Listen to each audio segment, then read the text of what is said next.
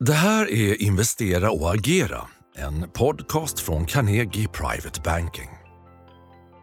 Torsdag 22 februari, det som kallas för världens viktigaste aktier, aktietillverkaren Nvidia, ledande indikator och själva symbolen för omställningen mot mer AI-tjänster, lever ju upp till högt ställda förväntningar och lyfter sentimentet på globala aktiemarknader i en period som för övrigt är tunn på makrodata. Så i podcasten idag sammanställer vi de vanligaste och, och kanske också viktigaste frågorna från privata investerare på vår fortsatt färska strategi och allokeringsrapport.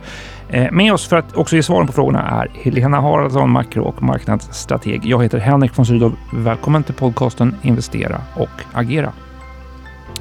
Och välkommen till studion Helena. Ja, tack så mycket. Jag tycker vi startar med att eh, kort kondensera status på marknaden just nu. Ditt, eh, ditt korta omdöme om makro och marknadsläget just nu. Ja, det måste väl för det första vidare att det är en bra aktiemiljö. Det mest sannolika just nu är att vi får en mjuklandning och räntesänkningar.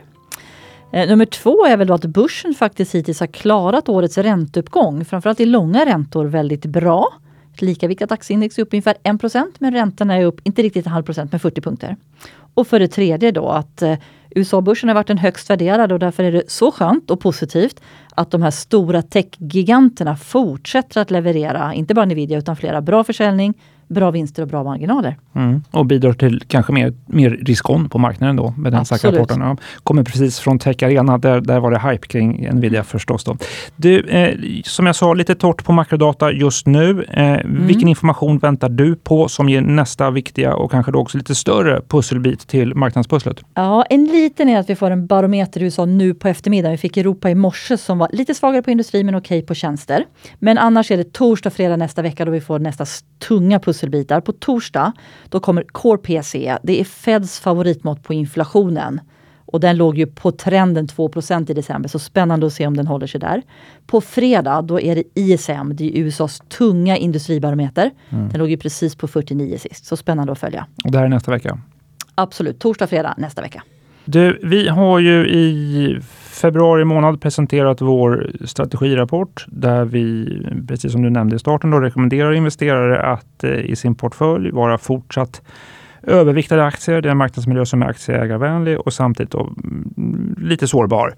Eh, en vanlig fråga, den kanske vanligaste frågan har varit vad, vad krävs för att vi ska ändra vår rekommendation, bli mer försiktiga och rekommendera att ta hem vinster och minska aktierisken i portföljen. Mm. Det är så spännande, för det är faktiskt den vanligaste frågan vi har fått från privata investerare. För de ser väldigt många orosmoln. De ser konflikter, val, seglivad inflation och så den här nya räntemiljön. Men vad vi har sagt så här, är att vi njuter av resan tills någonting bryter den här gynnsamma investeringsmiljön. Med då mjuklandning och avtagande inflation och centralbankssänkningar. Och jag kan också tycka att man tycker att alla de här orosfrågorna tyder på att det finns utrymme för lite lättnad och positiva överraskningar. Eh, men de faktorer som skulle väl visa då att vi har alltså risk till vårt scenario att vi får fel, det är ju en väldigt mycket djupare konjunktursvacka än vad vi, vad vi bedömer. En tvär inbromsning det skulle kunna bero på konkurser, varsel, så vi får recession. Då är det inte kul på börsen. Men det här ser vi inga tecken på, snarare att risken stadigt minskar för varje dag vi får makrosiffror. Däremot skulle en ny ränteoro också kunna ge en tuffare börsmiljö och det skulle ju komma från att inflationen börjar stiga. Eh, nu har vi fått lite sämre siffror här i, i januari. Eh, både på KPI, alltså konsumentpriser, producentpriser, prisplaner och lite annat. Så att den här räntoron är väl snarast det som skulle bli aktuellt nu då. Men som jag sa i början, det är väldigt skönt att börsen har klarat årets initiala obligationsrätteuppgång relativt mm. bra ändå. Mm, precis, vi är alltså överviktade mot aktier så länge data, makrodata pekar mot en mjuklandning. Ja, det tycker jag. Mm, mot en mjuklandning då förstås. Eh, du, det är också så då att vi upplever att makro är hett eh, hos mm. investerare. Vi får in investerare som tidigare inte kom in för att lyssna på makrodagningar.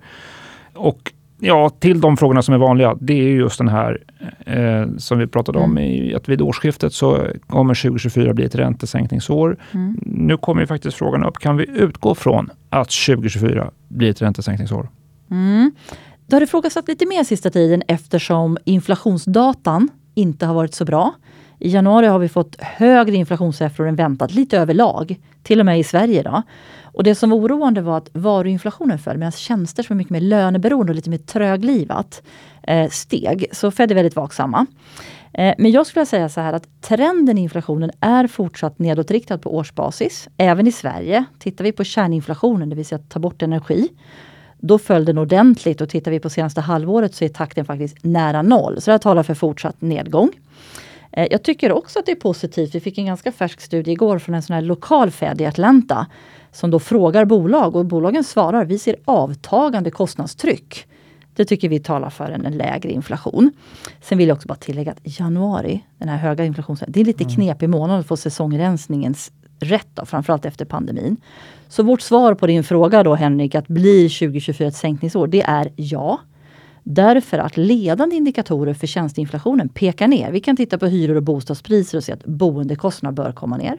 Vi kan titta på den lite svalare arbetsmarknaden och se att lönetrycket bör komma ner. Så att ja, ett räntesänkningsår och förmodligen med start i sommaren. Mm.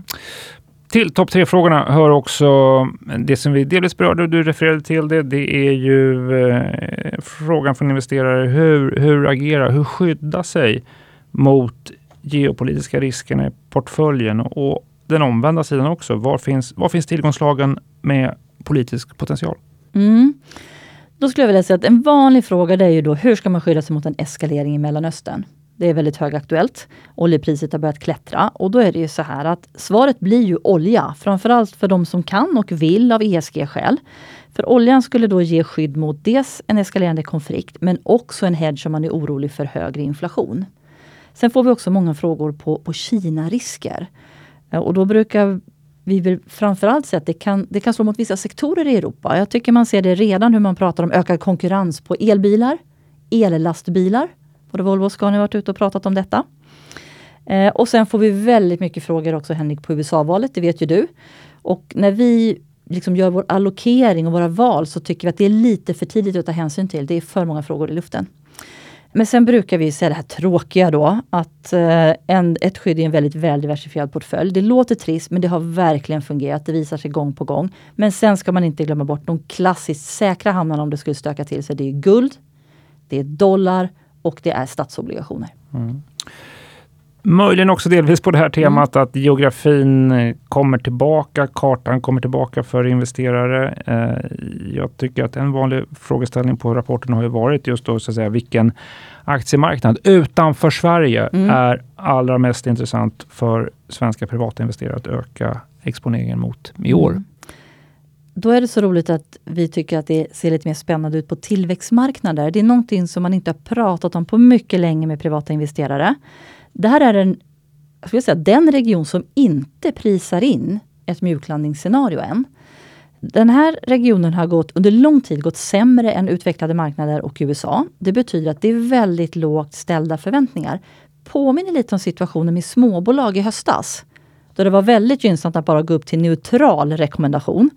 Och småbolag är något vi fortfarande gillar. Men vi säger samma sak om tillväxtmarknader. Det är nu det är dags att gå till neutral vikt. För tänk om det kommer positiva överraskningar. Sen är vi till och med lite mer specifika och tycker att det finns ganska många spännande alternativ utanför Kina. Det är till exempel Latinamerika. Det är de unga tillväxtmarknaderna, frontier markets, men det är också stockpicking i Asien. Eh, och alltid då i aktiv förvaltning, inte köpa index eller ETF, för då får man för mycket statliga bolag och så. Eh, sen får vi också väldigt många frågor faktiskt på Indien. Och eh, där tycker vi att det är väldigt intressant på lång sikt lite högt värderat som man kanske framförallt ska köpa på nedgång. Men de har bra demografi, de är en demokrati och de gör spännande reformer. Just det. Mm. Mm. Ska man nämna ett västland, om vi inte bara håller oss till tillväxtmarknaden, mm. då är det mm. att vi har fått mest frågor på Japan. Mm. Och eh, det är väldigt roligt därför att vi gillar det och har övervikt. Det är lätt penningpolitik, det är lätt finanspolitik och det är mer aktieägarvänliga reformer. Japan som en del av det politiska väst, precis. Ja. Vad, vad, eh, den sista frågan då, vi har, vi har, tagit upp fem stycken vanliga nu här. Vad är det som då ibland kallas för uppåt, uppåtrisker mm. i makro och marknadsscenarierna? Vad, vad, vad, kan överraska positivt och vilken mm. betydelse får det? Fortsatt ännu bättre barometrar. Vi har sett en begynnande sån trend. Det skulle också vara bra om vi fick mer minst, vinstfokus. Och det kommer väl förmodligen när vi får inflationen under kontroll, alltså ner mot kanske under 3% Men annars är det väl det här att det kanske inte blir någon landning i USA. Datan är väldigt stark. Och det skulle ju då vara, här är lite tudelat, för det skulle vara väldigt bra för vinsterna. Mm. Lite sämre kanske för inflationsriskerna och ränteoron. En annan sån, förutom icke-landning i USA, då, det är ju att Kina plötsligt skulle göra stimulanser. Det har börjat bubbla under ytan. De gjorde en 25-punkterssänkning här i veckan. Börjat försöka bygga lite förtroende kring näringslivspolitiken mot marknaden, en ny myndighet. Så det får vi följa, det skulle vara väldigt positivt. Men sen har vi den tredje där vi nästan började den här podden, eh, Henrik. Och det är ju då att vi får en AI-ledd produktivitetsboom. Eh, det kan man ju se på lång sikt, men om den skulle komma snabbare skulle vara väldigt positivt. Och får man lyssna då till Nvidia-rapporten och framförallt VDn så är det en urstark trend när det gäller bredden i efterfrågan mm. på deras AI och halvledarchip, då, eller chip. Nämligen att det är bredare kunder, det är fler sektorer. Mm. Eh, och det skulle kunna tala för att vi får en produktivitetsboom och det skulle då resultata att vi kan få bra tillväxt kombinerat med låg inflation och framförallt bättre bolagsvinster. Så mm. det skulle vara en grym utveckling. Där har du den positiva makro, makroeffekten från Nvidia-rapporten. Vi slutar där vi startade då med detta. Vi säger tack till Helena för din medverkan. Ja, tack själv. Vi tackar också dig som har lyssnat. Nästa podcast det släpper vi på torsdag i Sportlovsveckan. Då spelar vi in från Fjällnäs i Härjedalen. Välkommen att lyssna då också. Tack för idag. Är du intresserad av topprankad aktieanalys och unika investeringsmöjligheter? Gå in på carnegie.se privatebanking och lär dig mer om vad du får som private banking-kund hos oss.